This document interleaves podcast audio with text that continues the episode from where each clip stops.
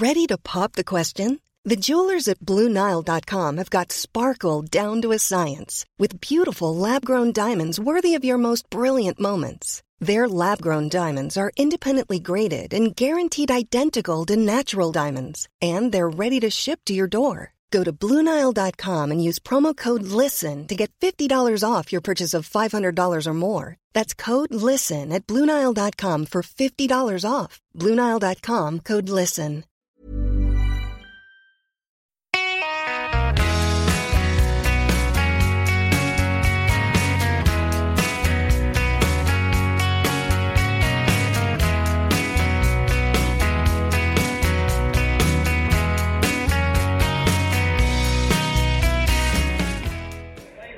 En gång i bussen hem bland alla andra förlorare räknade han ut hur mycket tid av sitt liv han lagt ner på sopan.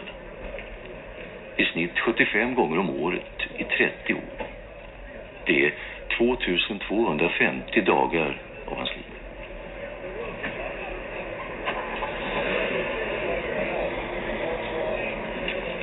Varje tävlingsdag är han där i minst fem timmar. Det blir nästan 11 500 timmar. Bland odds, rekord, tider, missade målfoton och eventuella utdelningar. Vad kunde han ha gjort istället? Gått några kvällskurser kanske? Samlat frimärken? Eller läst ett par tusen böcker till? Han hade ju andra intressen också. Ändå kände han sig aldrig så tillfreds med tillvaron som när han låg i badkaret och gick igenom startlistan till nästa tävlingsdag.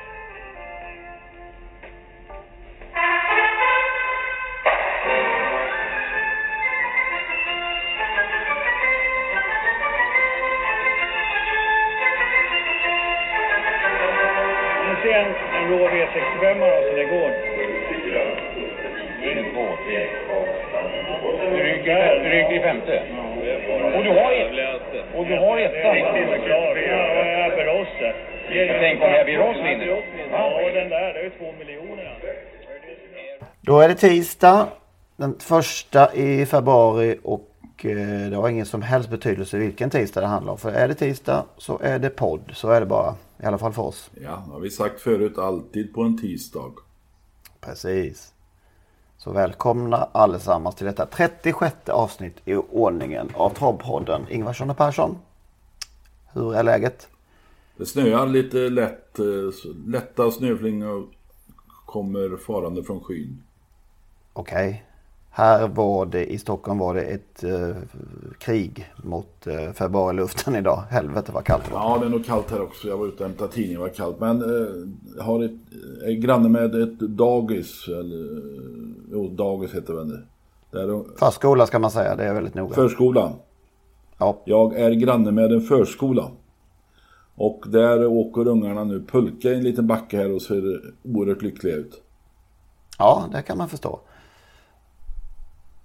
Det kanske inte är så vanligt med förekommande i era trakter. Jag vet inte hur mycket. Nej, ibland. Det är mycket, det har till och med arrangerats skid-SM i Skövde en gång i tiden. Mm. Så det är så. Ja. ja men vi hörde ju ett klipp där i början. Vi tänkte nämligen att vi skulle ta ett litet grepp om filmer och travsport. Kanske det blir lite, lite galopp också, men hästar och trav och film. Lite, lite så har vi tänkt. Just det. Eh, Du har tänkt. så Du har tänkt så. Jag har tänkt. Du, du hänger med. ja.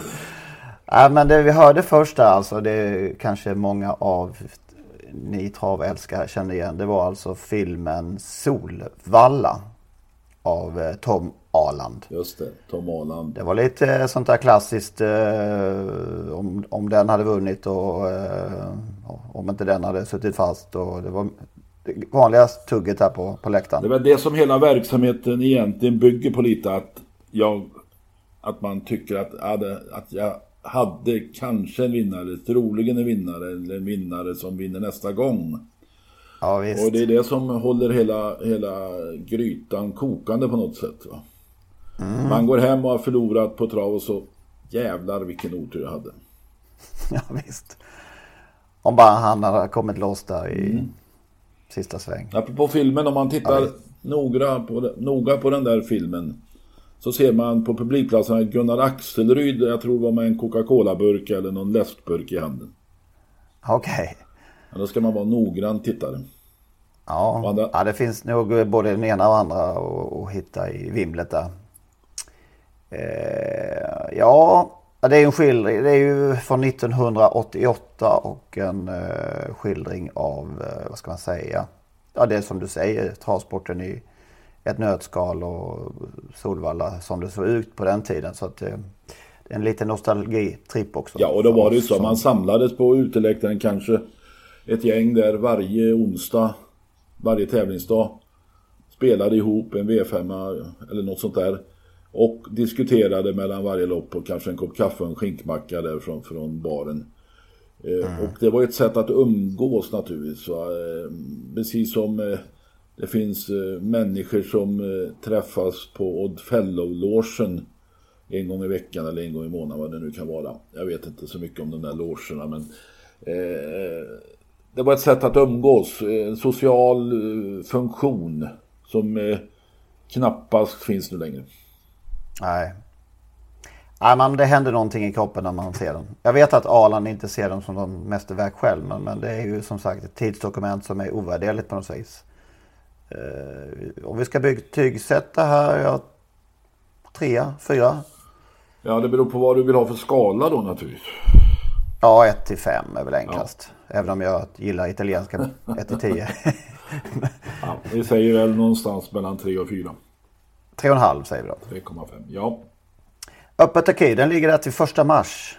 Eh, Den har legat där i omgångar så det kanske de förlänger igen. Men just nu ligger den kvar till första mars. Och eh, du vill rekommendera att titta på den för de som inte har gjort det och de som har tittat på den kan gärna titta igen. Och titta då speciellt efter Gunnar Axelryd. Ja, just det. Precis. Eh, SVT Play lägger ju en annan Arland-film eh, kring Solvalla. Elitloppet alltid på mors dag. Den tror jag ligger där längre. Ja, ja det har min, Och här, eh, det ja, har min mor erfarit. just det. Precis. Min, min också. här kommer ytterligare en av Tom Arland. kommer inte när jag lovat. Så här. Jag försöker passa tiden när jag kan missa på en dag kanske. Nej, inget bra. Jag är svår. Usch. Har du några goda sidor? Nej, jo, jag är snäll. Men det är korna också. Normalt. Men annars är det inte mycket. Nej. Men jag är faktiskt en rätt snäll person egentligen. Men det lever man ju inte på. Nej. En rufflare har en själ också. Ja. Jo, måste säga, jag är väl snäll. Jag, tänker, jag kan tänka mycket på andra människor och sådär va. Men, och hjälpa där jag kan. Det har jag nog, det har jag aldrig fått någon skit för, utan det är nog så. Men, eh, och ja, det där rufflar eh, får stå för dig Arland. Blanda inte in mig i i din kundkrets för du. ja, journalister och reportrar. Tack, jag har sagt till det tidigare. Ja, vad var det där nu då? Det eh, jo, jag är snäll men det är korna också. Normalt, säger, säger Ulf Ja. Berner som det här handlar om alltså. Vad hette, Vem var, det, vem var den här nu då? var det en rufflares väg? Heter den så? Just den här titeln på den här är Vad hände med Rufflaren? Ja, och som bygger, bygger på och är en uppföljning från de båda tidigare En Rufflares väg och En Rufflares väg tur och retur. Så det här är en sammanfattning och Och vad har det med travsporten att göra? Eller hästsporten? Ja, Ulf Berner. Eh, senare stor, vad säger man, storföretagare eller Ja. en man som, som jobbade på Åbytravet som ung på 50-talet. Och bland annat hade i uppgift att ringa i upploppsklockan. Som numera inte finns längre. Ja, just det. En gång struntade han i att ringa i, i den eftersom han har fått för sig att en häst som har spelat brukade bromsa när han hörde klockan. Och mycket riktigt så sprang hästen så på ett sätt som aldrig tidigare och vann till högt odds. Och enligt vad filmen då berättar så var det så Ulf Berner blev en vinnare. Ja. Det var där det startade. Och på något vis kommer han ju då senare till Blomstermåla i Småland. Till företaget och fabriken Boman och Johansson som sålde och tillverkade faner väldigt framgångsrikt på den tiden. Där kom han dit med sitt bullrande sätt och med storstadsfasoner. Eh, och som det sägs då kom och tog över den gamla, det gamla stolta företaget i, i lilla, lilla byn där. 1971 blev han disponent, senare VD och hästägare som han har varit sedan Åbytiden så skulle han nu krypa uppåt även på stegen där och inhandla vinnare. Uh, ja. Disponent, det finns inte längre tror jag. Dis det finns ingen, ja, det gör det nog inte va? ingen som är disponent. Vad är en disponent egentligen? Ja, det verkar. Vad gjorde en, ja, det var... vad gjorde en disponent? Ja, kanske var under, under vdn, direktören. Det fanns väl ingen vd då. Direktör och disponent. Ja, ja jag vet faktiskt inte. Det vet säkert någon av våra lyssnare. Vad innebar det att vara disponent? Nämns ju även i Karl-Bertil Jonsson-filmen där på julafton. Disponenten. Ja, just det. Ja. Eh, nej men Berner då, han hade ju en viss US2 Viking där bland annat hos Stig och Johansson. Och icke att förglömma Micke Viking. Och vad har det för? Ja, som har det någon betydelse? Ja, det har en oerhörd betydelse för eh, eh, travsporten. Eh, han flyttade väl Micke Viking om jag minns rätt till Jean och Pepillon. Eh, men det blev ju en eh, oerhört framgångsrik avelsingst. Eh, han, eh, i flera led. Alltså han är farfars far till Reddy Cash. Och farfars farfar om jag nu räknar rätt här i, år, i, i, i turordning. Till en viss Bold Eagle. Oj, oj, oj. Jag, så, så, utan Ulf Berner, ingen Bold Eagle? Nej, utan träfaneren i blomstermåla, ingen Bold Eagle. Nej. Så var det nog. Ska, sä ska säga det, det i filmen här så, så är det ju en sjuk och eh, utblottad Ulf Berner som presenteras. Så eh, det, det gick ut för, för honom till slut. Han, blev... han var ju jagad av eh, skattemyndigheten. Ja, han var en bruten man och om du säger att han började sin karriär på Åbytravet så Eh, med att ringa i klockan så avslutade han också sin karriär genom att, att vara en ständig gäst på Åbytravet. Även om han hade svårt att ta sig framåt. Han hade, gick väl med käpp de senaste åren han var där och, och satt där på utebänkarna i, i upplopp, eller den kurvan efter upploppet där. Just det. Ja, det var ett tragiskt levnadsöde men samtidigt så när han var på topp hade han nog ett ganska bra liv tror jag. Det tror jag. En fascinerande livshistoria och eh, ger nog en fyra i betyg i alla fall. För Berner-filmen. Ja. Som finns på Öppet arkiv. Om vi fortsätter lite på dokumentärspåret. Vi ska lyssna lite här. Det, det händer väl ibland att eh, man tar eh, en frikväll och går på en restaurang till exempel. Äter god mat. Det blir väl dessvärre inte så ofta man kan göra det men eh, ändå någon gång ibland. I övrigt så bio har jag inte varit på på 15 år kanske.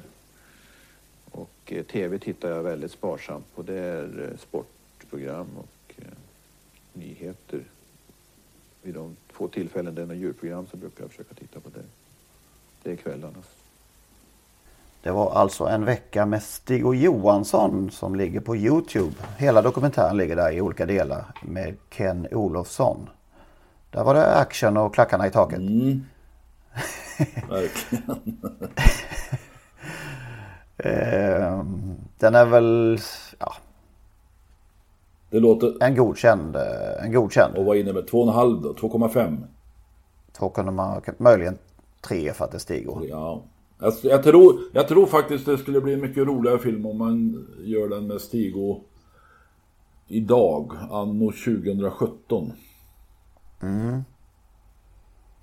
Det är ju då en skildring av en vecka i den dåvarande dominanten i svensk travsport får vi säga.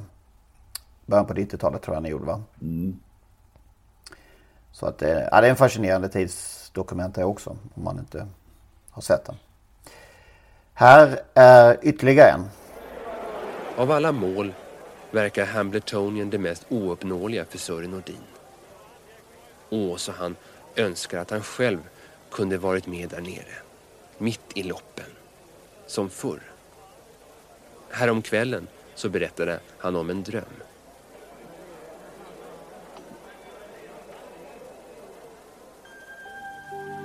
Han var tillbaka på Solvalla, i sulken, i tävling. I drömmar finns inga åldersgränser eller krämpor. Solvalla, som ibland känns så avlägset bort i Amerika, var hans värld i 50 år. Här var han störst, här var han Sören. Här finns inga passgångare.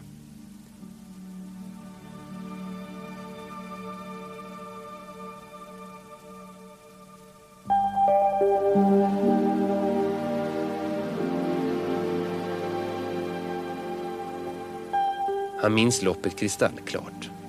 Han startade med två tillägg, 40 meter efter. Fältet var stort och snart galopperade hästar till höger och vänster. All hans suveräna körskicklighet ställdes på prov. Hästen hade väl inget namn, men kanske var det Smaragd, Julien, Wiretapper eller Francis. Kraften och rytmen fanns i alla fall där. Allt stämde. På avstånd kunde han höra publiken. Den kunnigaste i världen. Den som han saknat så mycket i Amerika. I sista kurvan hände något underligt. Alla framför vek plötsligt ut ett spår och Sören Nordin kunde smita förbi på insidan.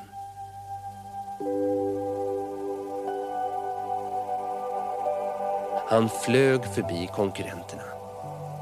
Det var en lika välbekant som underbar känsla.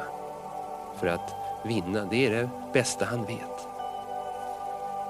Efteråt fick publiken klappa hästen och han ville inte vakna. Det där var ju då alltså den eh, fina filmen av Jens Lind. Om, eh, som vi har pratat om tidigare här. Om pappa. Pappa. Sö Sören Nordin. Eh, den är fin. Ja, det är också ett viktigt tidsdokument och nu känns det som du höjer lite i betygsskalan. Ja, det pallar nog upp till en fyra tycker jag. Vad tycker du? Jag håller med. Ja. Finns som sagt också på Youtube, ligger i, i olika delar där. Spelfilmer då? Vad har vi där? Ja, det... Finns faktiskt ganska, när vi börjar rota lite så finns det ganska gott om dem. Släpp loss. Ja, ska vi börja 1945?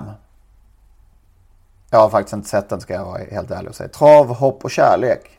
Just det. Eh, regisserad av Ragnar Frisk. Skådespelare bland annat Rut Holm, Harry Persson och Gertrud Frid. Eh, dramafilm som sagt från 1945.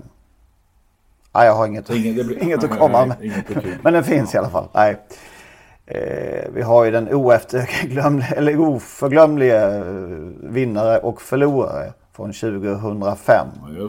Kjell Sund, Sundvalls eh, film med bland, bland annat Frida Hallgren som ju var väldigt i ropet där i den vevan. Ah! Vad ska vi säga där? Har du sett den? Nej. Nej. Ja, det blev ju inte så lyckat. Vi är nästan så vi är nere på Åsa-Nisse-nivå där. E- Etta, Kan- 1,5. Kanske är vi då eh, till och med en aning lumpna mot Klabbarpan och Nesse. Jag tror vi är ganska givmilda när vi ger den en etta. Den är, den är, det är en riktig kalkon faktiskt. Tyvärr. Eh, Det finns ju danska filmen om Tarok. Ja, som jag tyvärr inte har sett. Men det, det blev ju tyvärr, tyvärr, tyvärr, tyvärr. Eh, en flopp i Danmark och de fick väl lägga ner den där eh, filmen ganska snabbt på biograferna. Ja, det är möjligt att det var så. Jag har lite dålig koll också. Jag har inte sett den heller. Eh, Tarok var ju en hjälte, en vacker hjälte, den största hjälten i svensk, eller i dansk travsport. Med Jörn Larsson och hans pappa Karl. Derbyvinnare, internationell eh, häst, var ju med i Prix d'Amérique Elitloppet flera gånger. Men som film blev det ingen hit. Nu kan vi inte betygsätta den eftersom vi inte har sett den, men uppenbart var att publiken inte tog den till sitt hjärta. Varken publik eller recensenter. Nej, men eh, däremot så tog travpubliken Tarok till sitt hjärta. Eh, bättre lyckades kanske man med Seabiscuit, för den, har- den har du sett i alla fall. Ja, det är ju naturligtvis en oerhört läcker film med den här hästen som då var mer eller mindre uträknad och fick väl eh, sparra eh, stallhästarna och eh, se till så att de fick lite bättre mod genom att slå dem i träningsarbetena, träningshiten. Men eh, så bytte han ju ägare och, eh, trä, och förändrade livet för flera personer. För det blev ju en av världens bästa genom tiderna galopphästar. Och en häst som alla till slut älskade. Mm. Ditt betyg där? Det är eh, en fyra. Ja, då är du överens med min uh, gode vän som också skickade med betyg på, på, på den. Och din, Samma betyg. och din gode vän är? Eh, Ska vi avslöja det? Ja, det avgör du. Det kan ju vara Kjell. K- källhänvisning. eh, eh, nej men det är galoppvännen Erik Ivare som, som, eh, som skickar med det. Helt enkelt. Han, han kommer med lite fler inspel här som, av filmer jag inte heller sett. Eh, Let it ride.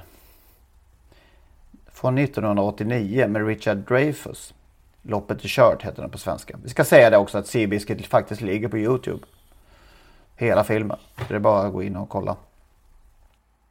Let it ride med, med eh, Richard Dreyfus som sagt utspelar sig till ganska stor del på en galoppbana i Florida som jag nu har glömt namnet på. En eh, komedi som tydligen ska vara väldigt lyckad. Femma är Erik Ivars denna. Mm.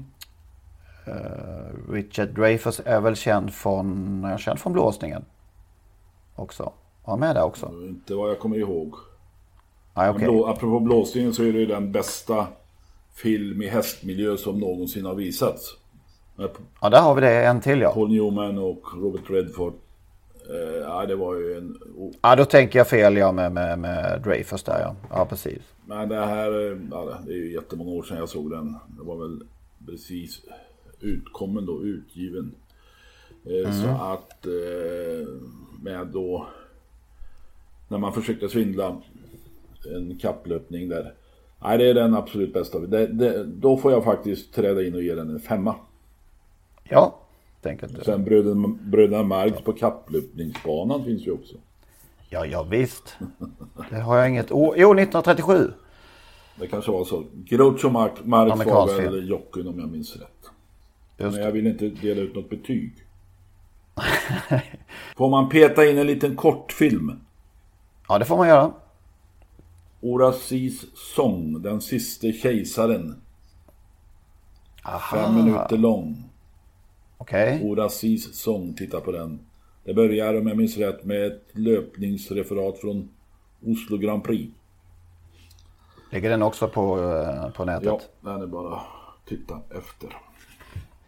Journalfilm på Solvalla har vi också. Ja, den är ju rätt så läcker, även om den är gammal. Men eh, den var en, eh, på den tiden tror jag en mycket, mycket vacker film. Sök där på Solvalla 1945 så kommer den upp. Eh, nej men vi hade ett par till. Dreamer långfilm. Eh, handlar om en tidigare framgångsrik jockey som spelas av Kurt Russell. Och det handlar om den lovande galopphästen Sonador. Som betyder Dreamer. Som bryter ett ben i ett lopp och vars karriär verkar vara över. Men Ben och den här dottern Cale antar utmaningen att få hästen frisk så att den kan tävla igen. Och eh, ja, o, orimlig story men hög mysfaktor fick jag som, eh, som eh, betyg från eh, Erik Ivars. 2,5 gav han den. Jaha, Och till slut Blondie, Biffen och Bananen. Från 1952. Med eh, allas våra Åke Grönberg som Biffen och Åke Söderblom som Bananen. betyg. Eh, Utspela... Ja, den... Ja, jag, faktiskt, jag har faktiskt sett den någon gång i världshistorien. Eh, Ja, två och en halv då, säger vi snälla. Ska vi, stäng... De är ju som de Ja. är. Ska vi stänga kulturavdelningen för idag? Ja, det gör vi. Utspelar sig på Jägersro, Solvalla, Täby och eh, något galoppstuteri. Så det är my- mycket hästmiljö. Apropå galopphästar måste jag säga, jag gillar namnet på en häst. Jag gillar hästen, jag tittat på några gånger. Som heter Sturehov. Ja, just det. Jag heter den så? Stureplan? Stureplan menar jag. Förlåt. Ja. ja. Men lika fräckt för det. Ja. Stureplan. Ja, vi hade en till. Vi hade en till. En film. Stöten. Stöten. Stöten. En, svensk, en svensk film från 1961 i regi av Hasse Ekman. Oj då. Som eh, den stora kuppen som, man, eh, som ska ske på Täby galopp. Hur gick det? Med kuppen? Jag tror att, de, eh, att kuppen gick bra. Sen eh, kan jag inte mer än så. Och Täby galopp är nedlagd efter det. Just det. Ja men då så. Ut och, och leta filmer helt enkelt. Det finns gott om dem. Och många bra. Ska vi gå över på ett helt nytt inslag här i podden? Ja, just det. Eh, en gång i världen så hade ju Kari och jag eh, några, ja vi träffades en gång i veckan och gjorde något webb-tv-program. Kari Ja, Läderkorpi. Kari Läderkorpi. Eh, och vi åkte ner till eh, Holms prästgård där han då höll till. Och eh, det var inte alldeles enkelt. Jag och min fotograf Sven Ljunggren varje tisdag när vi kom dit ibland så satt han i traktorn och Eh, ja, vi stod där på gårdsplanen men han låtsades som vi inte fanns och när vi väl fick stopp på den där traktorn så så fräste han till, jag har inte tid med er. Jag har ju för fan eh, jobb att sköta, jag måste ju hålla banorna i ordning. Ja men vi hade ju bestämt idag. Ja men det spelar ingen roll, jag har inte tid idag, ni kan åka hem igen. Och där stod man då, stod vi och frös och trampade vinter var det väl då. ja, efter en timme till så stannade han då äntligen traktorn och, på ett monsterhumör där och så försökte man ju då att ja men kan vi inte försöka? Ja okej då, men det får gå fort. Eh, och så, det där hände några gånger va och, och, men så fort Sven då liksom slog på kameran så var Kari Läderkorpi som en ny människa. Ja, ett überproffs. På... Ja, det. Men nu ska vi då försöka, om det går, eh, att ha ett kortare inslag. eh, Veckans Kari. Precis, vi har döpt det till tre minuter Kari. Ska vi se om man kan hålla Ja, det. det också. kommer vi inte kunna hålla. Nej, vi ska ha det som mål i alla fall. Ett litet, eh, vad ska vi säga, det, koncentrerat eh, upplägg jämfört med ditt tidigare. Ja, där fick han ju alldeles för stort utrymme. Ja, Okej. Ja, här kommer det. Tre minuter Kari, nu blir det tre minuter Kari. Tre minuter Kari, nu blir det tre minuter Kari. Om man nu kan hålla tiden. Tjenare Kari! Hej, Ja. elake. Grattis! Elak, eller hur, eller hur säger man?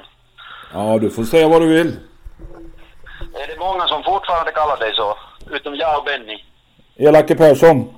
Ja, Ja, det är nog bara du och Benny kanske. Men, men Benny gör det i alla fall. Varje gång när vi pratar med varandra. Ja, men du vet inte vem som kom på det. Nej, Nej. Det, det, måste, det måste, finnas flera som, som har kommit på det. Grattis skulle jag ju säga. Ja tack. Menar du eh, V75 Vinter eller? Nej, Vadå då? att du får vara med i den här podden. Ja, så, ja, jag kan inte tänka mig. Är det så stor här eller? Ja, ja, du är den enda som har fått vara med. Ja, någon tidigare kanske. Någon, ja, ja. Du, du, du är den första. Ja, någon tidigare kanske har varit. Ja. Ja, men den där hästen kan jag också gratulera. Vad heter han nu då? Den heter MT King of Cash.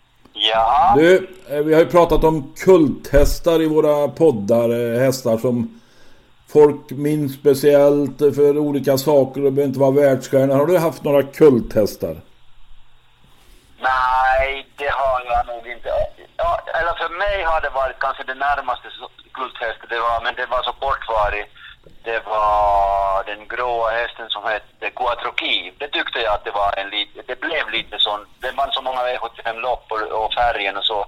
Men jag har inte haft såna kulthästar som, som de Legolas och vad du, du menar alltså, de hästarna. Nej, men jag tänkte inte på sådana här världsstjärnor utan eh, hästar som har gått hem hos folk och som folk har gillat. Ja, jag, jag, jag tycker att Quattroki var en sån. Därför det blev, från en vanlig häst blev det en sån som gick upp till näst, Jag tror att den gick upp till guld rätt så snabbt innan den eh, såldes sen till Frankrike. Det är nämligen, det var det är egentligen den enda hästen som jag har varit lite tveksam att sälja. Inte på grund av priset utan av känslan på hästen. Men du fick hemskt bra betalt. Ja, det fick jag också. Ja, visst, visst. Ja, visst. Men du, den här du har nu då, MT King of Cash, heter han så? Ja, han heter så. Det, lägger du dig i matchningen? Nej, jag gör inte det. Ja men det är ju lite Karim-matchning nu. Starta vecka ut och vecka in. Nej, nej, nej, nej, nej. Utan det här är matchningen som att man kunde vara med i två finaler. Om det hade varit två vanliga fredagar, då hade det varit en Lärdekorvi-matchning. Men nu var det lite tanke bakom det. Ja. Det, kanske blir också, det kanske blir också en sån här som jag bara nämner till delägarna att den är såld. Ja, skulle inte förvåna mig.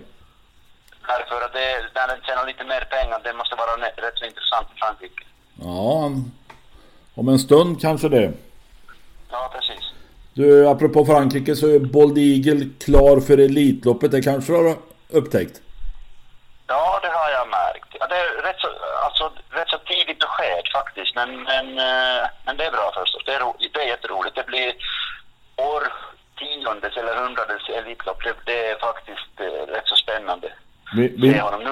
Nuncio, har vi sett så mycket att vi vet hur bra den är, men att vi har inte sett Bold Eagle på tusenmetersbanan här hemma. Och sen, sen måste man köra lite annorlunda vad man gör i Frankrike. så du tror att Nuncio kan slå honom? Jag tror faktiskt det. Ja, har ni någon finsk häst som kan komma över nu då? Nej, det är lite tveksamt faktiskt. Men du brukar alltid ha någon finne som du tycker är given i Elitloppet. Jo, nej, det är det faktiskt inte. Jo, nej, det var då när jag ville att Rätt Bogo ska vara med, därför att han var min Finlandia.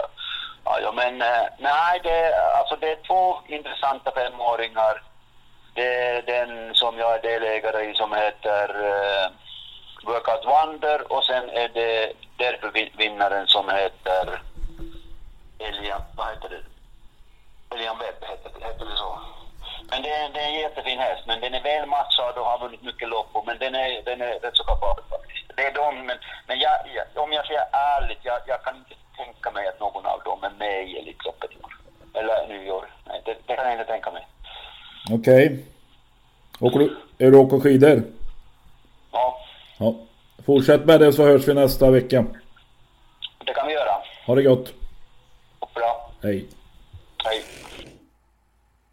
Ja, om Kari säger att det inte finns någon finsk häst för Elitloppet då det, ser det småtungt ut va? Ja, det verkar som Brett Book har gått ur form så att han inte kan återkomma. Jag tror till och med han var chanslös mot Mafioso Face när de möttes i Uleåborg under den där V75-dagen. I december. Ja, Nej, just det. det. Han har ju någon egen där som eh, Workout Wonder va? Just det som vann eh, Solvalla Grand Prix. men de har väl insett nu när Bold Eagle har lämnat klartecken att det inte är någon idé att åka till Solvalla. Nej. Ja men det var trevligt och eh, eh, hoppas att det uppskattas. Och vi ska sikta på att det blir ungefär tre minuter Kari varje vecka framöver. Ja, Om, om han eh, har tid. tre och en halv kan vi sträcka oss till. Under fyra. Under fyra, någonstans där. Mm. Ehm, Vi pratar om kulttestare. Ja, just det, precis. Eh, han hade sin alltså Quattro och det... eh, vi, tog, vi nämnde väl hans Orso också en grolle för några veckor sedan. Men Quattro Key har han ju rätt i. Den, det var en härlig, härlig sort faktiskt. Ja. En profil. Jag har fått brev. Vi, vi, vi eh, nämnde ju Spinnaker. Tror jag var förra Ja. programmet. Nu fick jag ett brev från Hasse Svennehed på ST som en uppmärksam och noggrann lyssnare. eh, Som hävdade att jag hade fel när det gäller Gö- Göran S. Karlsson från Svanskog. Svanskog är en liten by som eh, har eh, odlat, fött upp många travstjärnor, både tvåbenta och fyrbenta. Jag minns Ruben Reuter och Samson som också ska betraktas som en kulttest. Men jag dristar mig till att kalla Göran S. Karlsson för Göran Fräsen Karlsson och det var ju helt fel. För att det var en annan Karlsson, Bernt Olof Karlsson, som kallas för Fräsen, också en travamatör därifrån de där trakterna, Fängersfors. Så att, Ja, ja, ja, jag ber om ursäkt eh, till Göran S. Karlsson. eh, Som också hade Prick Bunter som vann 10, 7 segrar på 10 starter. Eh, också den här Spinnaker då som vann 8 segrar på 23 starter, bland annat 6 segrar i rad. Härmed är denna ursäkt, ursäkt framförd. Ja. Några andra kulthästar som vi har fått. Eh, Göran Norman föreslår Rapid Boy, segermaskinen hos trollkaren från Grängesberg var det väl, Bert Nordmark. Och så har vi då Peter Johansson som Månens broder, ja, det var ju självklart. 323 starter, 113 segrar. Började sin karriär på Jägersro eh, men hamnade ju så småningom hos amatören från Storvik, Ove Järström som ja, gjorde sin, sitt livs affär alltså. Eh, den där vann ju jättemånga storlopp och ofta med Åke Sundberg men ibland med Olle Goop och flera andra kuskar. Så att eh, det var verkligen en kulthäst. Molnus... Den härjade alltså på 70-talet ja, då? Eller? gjorde sin första start 1966 och sin sista 1975. Och 1975 då han alltså var 12 år gjorde han 62 starter och vann 20 lopp. ja. För, Jävlar, för alltså. övrigt ett fräckt namn, Molnets broder. Ja, verkligen. På tal om fräckt namn och, eh, eller jag vet inte. Men, men på, eh, på göra många starter och hänga i länge. Magnus Strömsten föreslår Hippedipper Run. Mm. Eh, det i hårda stoet som gjorde 223 starter och vann 20 33 lopp. Tjänade 1,8 miljoner. Kan det vara så i dagens snabba eh, omsättningstravsport att det blir färre och färre kultar? Det blir stjärnhästar. Eh, stora Ja. stjärnor, men just de här kulthästarna som folk tar till sig trots att det inte är några stjärnor. Ja, kanske. Det, det känns ju som att hästarna blir mer och mer lika också för varje år som går. Att de är mer, mer strömlinjeformade. Alla ser likadana ut och eh, alla går i jänkarvagn. Ja. Så att de, man får ingen riktig... Och efter, några, efter en stund så går de i norskt huvudlag. Finns det inte utrymme för de där lite udda hästarna längre som har något speciellt eh, som tilltalar oss? Kan vara så kanske. Har du funderat kring Nej, det? det slog mig just nu. Då kan vi ju fundera på det en vecka. Ja, det gör vi. Den var ju irriterande bra, eh, hans häst i lördags, Karis. Ja, det, det var den ju faktiskt. eh, I synnerhet när du och MT King of Cash heter den ju. MT King of Cash som då eh, tog ner min vinnare Partisan Face. Eller tog ner, han felade ju som slagen Ja. där. Men, men hade, gjorde ett bra lopp och jag tyckte eh, försöket var gott. Ja, det såg klart ut hela vägen. Det gjorde faktiskt Men det. sen när han liksom kom upp på utsidan där i ingången och upploppet så var ju slaget över. Han var för bra helt Och enkelt. eh, Adrians tappade väl travet lite och galopperade. Det är hårt att galoppera där alltså. Och bli av med allt. Och då kan man ju jämföra med det här nedflyttningsreglerna eh, nu för eh, trängningar och så. I USA kan man ju också flytta ner hästar som galopperar i mål. Eller på upploppet. Ja, just det. Eller i vilket skede är det tillåtet att galoppera och ändå... Nej, de kan galoppera över mål och bli nedflyttade någon placering eller några placeringar. Mm. Och hur långt får man galoppera då? Har du koll på Nej, det? det vet jag inte. Nej. Jag tror de får galoppera hur långt som helst. Nej, inte hur långt som helst, men jag var med där någon gång när de flyttade ner en stor... Låt säga om, om, om de galopperar i det läge som, vad, vad kan det ha varit nu Patterson Face? 130 kvar kanske? Ja, de var ju väldigt, väldigt, väldigt långt före de övriga så det är inte säkert om man hade flyttat ner hästen alls. Jag är osäker på, jag kan inte reglerna, jag är inte ens osäker Nej. men möjligheten finns i alla fall, eller- i varje fall har funnits. Jag var där en gång på Pompan och Park när någon stor favorit med Carl Allen hoppa i mål eh, som etta och vi hade väl spelat någon tri- trio där, Jörgen Tuvesson och jag och det gällde för oss att få in ettan, tvåan, trean men eftersom Carl Allens häst var så enormt stor favorit så och vi var väl illa ute ekonomiskt så att eh, vi tog bort honom helt enkelt. Och där stod vi nu och väntade på hur de skulle eh, det här domslutet skulle bli och eh, vi pratade med eh, kunniga människor som sa att de kommer flytta ner honom till andra eller tredje platsen och då, därmed var vi utslagna. Men eh, efter en stund kom då resultatet och då har de flyttat ner den till fjärdeplatsen. Så vi fick in vår trio där. Okej, räddade hela... Ja, överlevde ytterligare någon vecka i Florida. ja, då är det smala stigar. Ja, så är det. Och det är som vi sa tidigare, det håller grytan kokande. Ja, ja visst. visst. Ska vi ta bästa och sämsta kanske? Ja, ska vi ta det nu ja.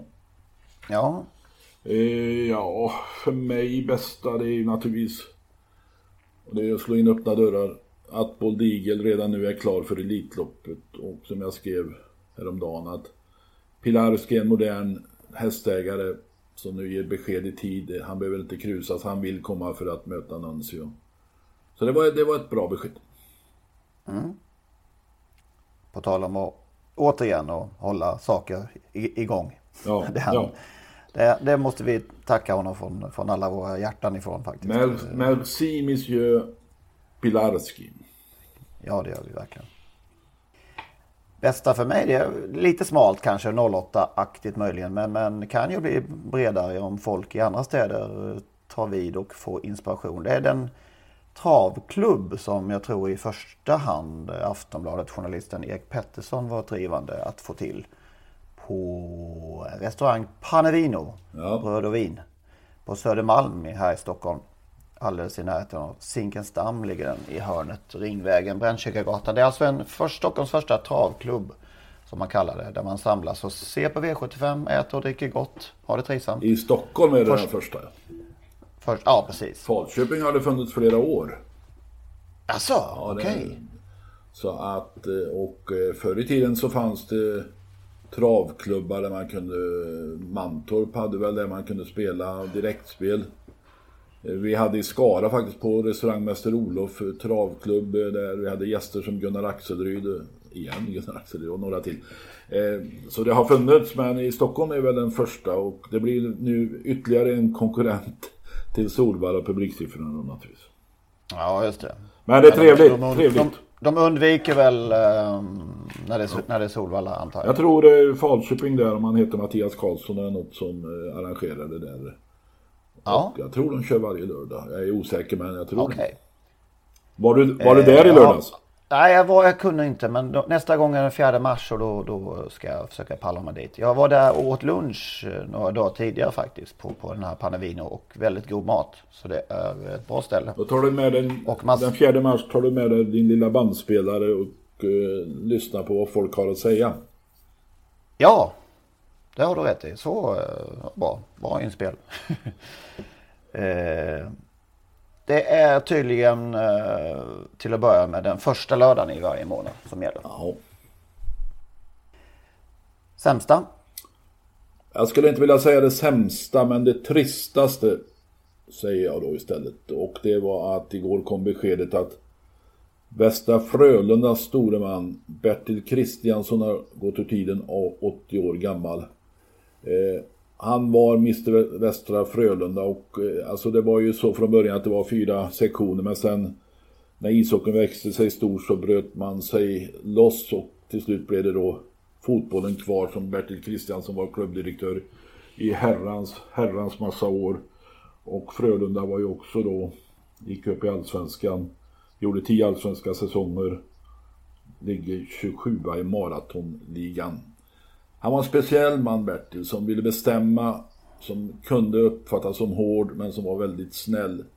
Han var också speaker ofta på Frölundas hemmamatcher på Rudalen.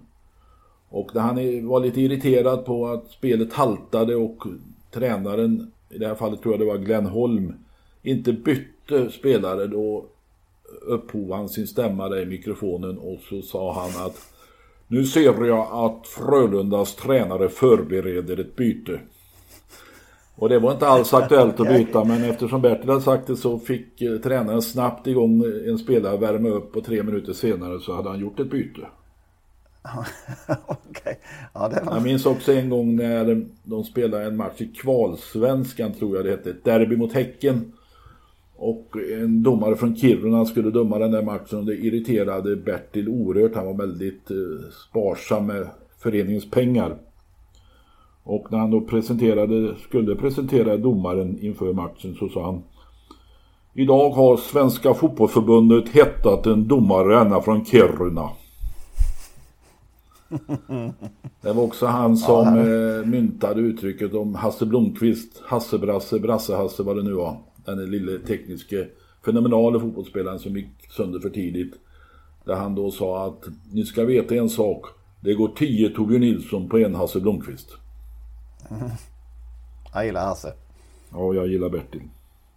Hasse också för den delen. Ja. Ja, vila i frid. Helt enkelt. Sämsta för mig. Jag vet inte om jag skulle bli lite snäppet allvarlig här möjligen. Nej, det är nog, det är nog världen i, i stort. Murar, inreseförbud och eh, moderatinviter och nu senast var det någon rasistisk polis som påhejsar folk som tycker det är toppen med någon som är inte PK. Ja, det är så det är nu. Man får inte vara PK. Ja. Och som vågar säga sanningen. Ja. Det här ska inte vara någon politisk podd men eh, om det inte hade börjat bli lite läskigt för så tycker jag det börjar bli det nu. Det var, det var bara det. Eh, ja. Du, i förra veckan så kom det en dom där mot en, en före detta tränare. Precis. Lärling som nu då har beträdande förbud. Han dömdes ju till ett år och åtta månader med minst rätt fängelse. Ett år och tio ett månader. År tio månader.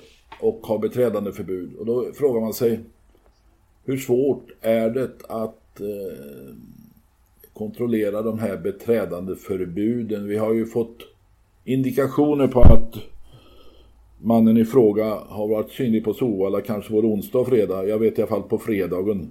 Och du har ju hört onsdagen. Mm. Och eh, där gått omkring då betydat sin oskuld och det har man naturligtvis rätt att göra. Man har inte rätt att vistas på Solvalla. Och det är, alltså, nu vet jag att det har gått info, ut information till alla banor med bild. Men... Hur, hur, hur, hur, går, den, hur går, går den ut? Det är alltså gå ut ett brev? Ja, något brev via mail gissar jag att det var. Eh, mm. Och det är möjligt att alla vakter och så har fått, men eh, finns det några vakter längre på Lunchstad till exempel? Och man går väl in och ut hur som helst och hur ska någon känna igen den här kisen då? Så det är inte alldeles enkelt att det efterlevs.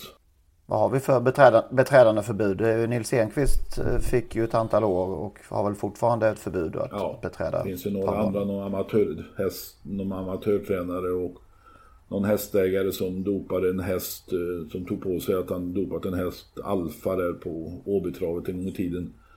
Så det finns ju några genom åren naturligtvis eh, som har fått livstidsbeträdande förbud.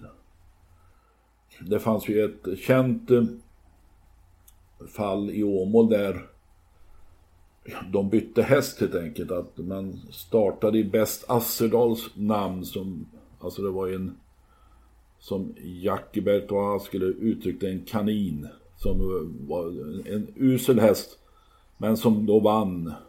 Och eh, en tjej där som hade pest, eh, skött passat bäst Asserdal tidigare eh, såg att det, det, det, där var inte bäst Asserdal så hon, det anmäldes ju och till slut så gjordes en utredning. Och det visade sig att då den här tränaren, amatörtränaren hade åkt till Åmål med en annan häst som hette Adir som var en betydligt bättre häst. Och de dömdes ju då i tingsrätten i, om det var i Vänersborg, eller om det var i Åmål. Birger Widell var inkallad som vittne minns jag. Eh, men eh, han fick ju också då beträdande förbud, jag tror det var livstid men eh, bara en kort tid senare så hade han, var han inblandad i någon häst som var med i Storchampionatet. Och då eh, uppsökte han banan och kom in, då hade han lösskägg. Okej. Okay. Så det kan vara lösningen alltså. Ja. Beträdandeförbud, använd lösskägg. Just det. Man blir ju lite nyfiken på den här eh, ersättningshästen gav på toton. Ja, det var, ja, det borde jag minnas, men eh, det var något hyggligt odds för bäst Hasseldahl kunde ingen spela på, men hade man vetat att det var Adil så kunde man nog spela att ja, det där var en, och det var ju Vilket år är det här? det var i mitten på 70-talet om jag minns rätt. Kan man inte be, eh, har du kvar eh, material eh, från det hemma? Ja, Ja, kanske, kanske. Jag ska... Ja, det är man ju oerhört ny, nyfiken på. Ja, det är- Annars får BBB läsare, finns säkert de som sitter med travronden eh, Henrik, Henrik, där hemma. Henrik. Ja. Vet du vad det, Ja. vad det heter? Nej. Lyssnare. Du sa lä, läsare. Sa jag läsare nu igen? Ja, jag ska försöka. Jag har några kompisar som minns det där. Och, eh, i, alla fall så, jag kan i alla fall säga en sak från rättegången. Att den här Bästa Astrodal var en så kallad paradgångare. Som det hette på den tiden. Det heter det kanske idag men det finns väl inga paradgångare. Och eh, Adil var en helt annan häst med lite runt framsteg sådär. Och då ställde försvarsadvokaten Erik Over som hade kallat in Birger Widell till rättegången eh, bad han Birger Widell förklara vad en paradgångare är för något. Birger Widell satt tyst några sekunder och så tittade han upp och så sa Det har jag aldrig hört talas om. För övrigt var domaren Gustav Eriksson, Gustav Eriksson Vasa kallades han. Han var pensionerad domare. Men kallades in till denna rättegång för att han hade en viss travkunskap. Och en av eh, pauserna så såg jag, stod jag intill Birger Widell när den här Gustav Eriksson Vasa kom fram till Birger och viskade lite försynt. Har Widell någon vinnare på Åby ikväll? Okej. Ja, det verkar oerhört underhållande Ja, historia. men det var det. Och vi- den som vände på hela rättegången var dåvarande sek- generalsekreterare, kanske inte hette på den tiden, kanske disponent, nej.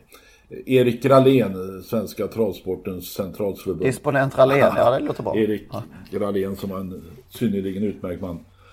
Han antecknade under hela rättegången och bad att få ett samtal med åklagaren Sten Styring kan han ha, möjligen ha hetat. Och eh, gav honom några goda råd i en paus där och sen vände hela rättegången och de blev fällda för det där och eh, hästarna blev, fick livstids startförbud och amatörtränaren fick väl livstids beträdandeförbud. Mm. Jag ska titta på det till nästa vecka tror jag. Ja, här finns att göra, det hör jag. ja. Eh, du, du, du. Tiden. Tiden rinner ut. Vi ska ha en vinnare. Har du någon sån? Du var ju nära förra veckan tycker jag. Ja, stumnar lite där. Jag har knappt hämtat mig från den klaringen som, som ju allt stämde för men ändå inte gick hem. Eh, nej, har du? Jag, tycker, jag har gissat den där Sadiq America har jag följt lite grann och tyckt att han varit lite klen. Men senast spurtade han bra som trea. Nu han spår ett. Kan det gå? Han var ju ute i det här loppet, Ja, har Face-loppet slagen i med mycket. Men han satt nog en bit bak och spurtade bra där. Det är sämre motstånd den här gången tror jag.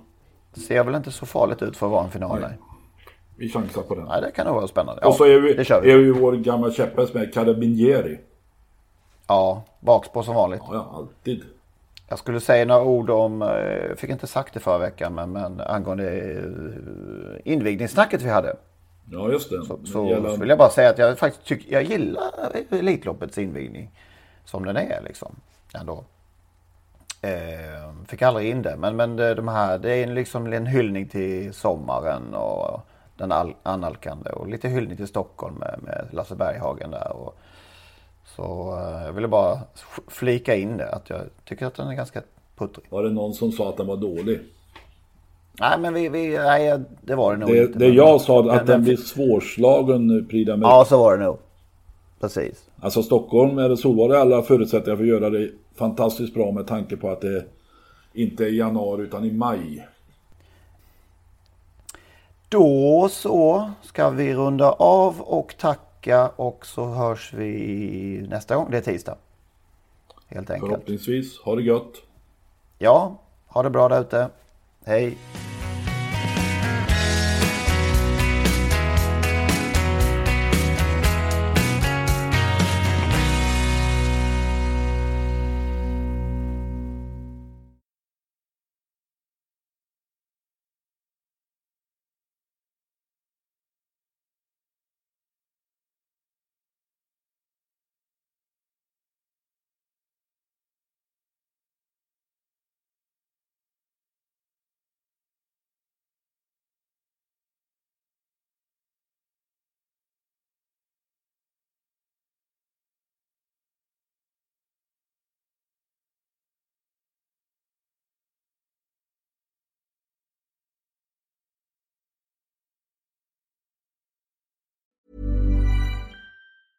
Mom deserves the best, and there's no better place to shop for Mother's Day than Whole Foods Market. They're your destination for unbeatable savings, from premium gifts to show-stopping flowers and irresistible desserts. Start by saving 33% with Prime on all body care and candles. Then get a 15-stem bunch of tulips for just $9.99 each with Prime. Round out Mom's menu with festive rosé, irresistible berry chantilly cake, and more special treats. Come celebrate Mother's Day at Whole Foods Market.